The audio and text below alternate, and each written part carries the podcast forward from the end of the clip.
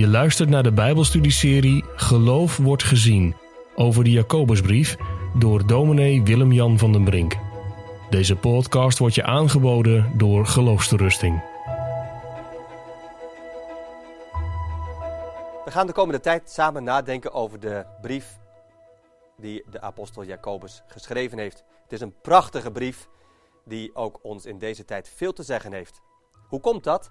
Omdat deze brief ons laat nadenken niet alleen over de vraag: ben ik een christen? Maar vooral hoe ben ik te herkennen als christen?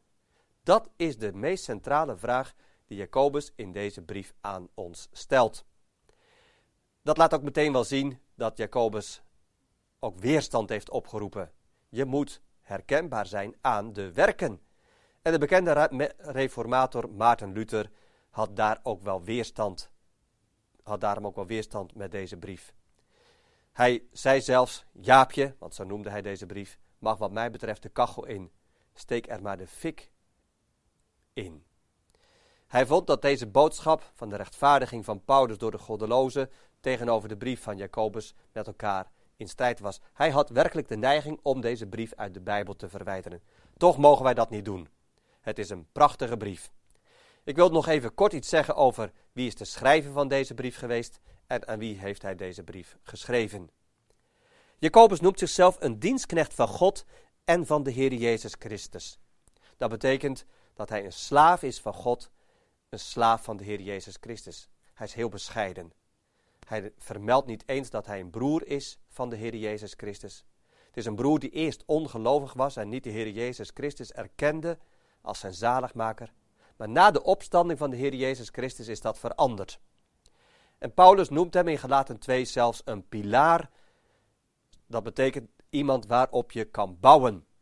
Men heeft dat ook herkend in de gemeente van Jeruzalem en daar kreeg hij een belangrijke leiderspositie.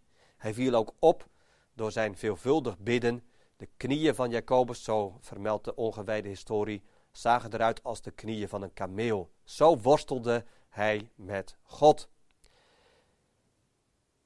In het jaar 63 na Christus is deze Jacobus gedood. De fariseeën, de schriftgeleerden, ze waren woedend en ze hebben hem meegenomen naar de tempel en hem zo van de tempel naar beneden gegooid.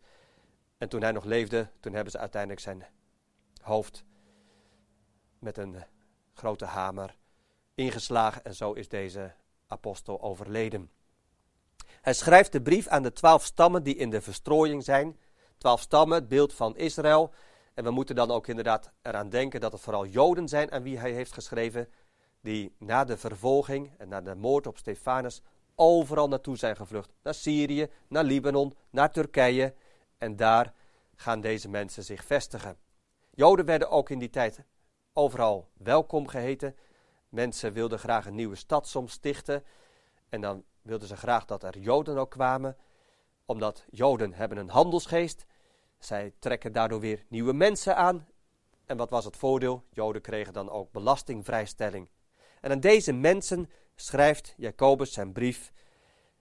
En zo geeft hij arme mensen, rijke Joden, één boodschap mee. Ook al ben je in de verstrooiing, in de diaspora terechtgekomen, wees verheugd. Hoe het ook zal gaan, wees blij in God.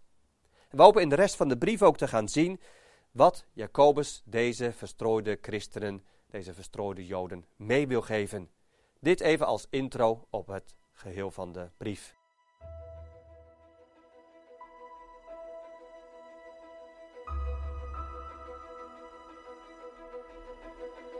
Je luisterde naar een podcast van Geloofsterusting. Wil je meer luisteren, lezen of bekijken? Steun dan onze missie en ga naar de website geloofsterusting.nl.